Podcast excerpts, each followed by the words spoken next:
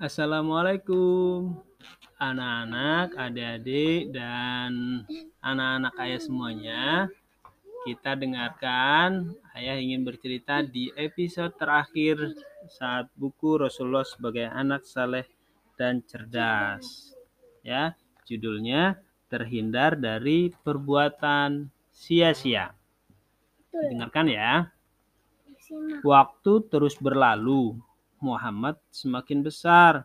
Suatu kali saat sedang menggembalakan domba, domba pamannya, beliau mendengar kota Mekah akan ada pertunjukan. Wah, asik nih. Aku akan pergi ke kota dan lihat pertunjukan, kata Muhammad kepada salah satu temannya. Setelah menitipkan domba-dombanya kepada seorang temannya, Muhammad pergi ke kota Mekah. Beliau ingin melihat pertunjukan yang katanya sangat menarik untuk anak-anak remaja kota Mekah. Setelah menempuh perjalanan cukup jauh, sayup-sayup terdengar suara musik dari kejauhan. Muhammad hampir tiba di tempat pertunjukan. Beliau melepas lelah dengan duduk di atas batu. Di bawah pohon rindang, apa yang terjadi kemudian?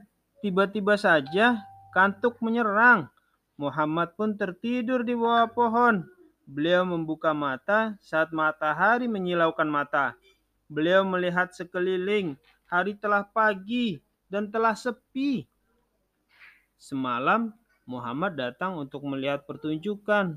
Beliau juga mendengar ramainya pertunjukan. Akan tetapi Allah melindungi beliau dengan membuatnya tertidur. Beliau pun tidak jadi melihat pertunjukan. Beberapa hari kemudian, Muhammad kembali menitipkan domba-domba yang digembalakannya kepada temannya. Dia kembali akan melihat pertunjukan. Hati-hati di jalan, kata teman Muhammad. Awas, jangan sampai ketiduran lagi, sambil tertawa. Kemudian, Muhammad pun pergi menuju kota Mekah. Dari jauh, sayup-sayup terdengar keramaian pertunjukan.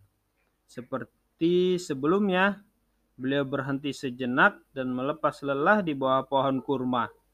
Apa yang terjadi kemudian? Muhammad kembali tertidur. Muhammad terbangun pada saat matahari telah bersinar. Muhammad tidak jadi melihat pertunjukan. Beliau memang calon pemimpin yang benar-benar dijaga Allah dari segala perbuatan yang tidak baik. Baik, teman-teman, selesai sudah satu buku Rasulullah sebagai anak soleh dan cerdas. Yuk, kita tunggu buku selanjutnya. Assalamualaikum.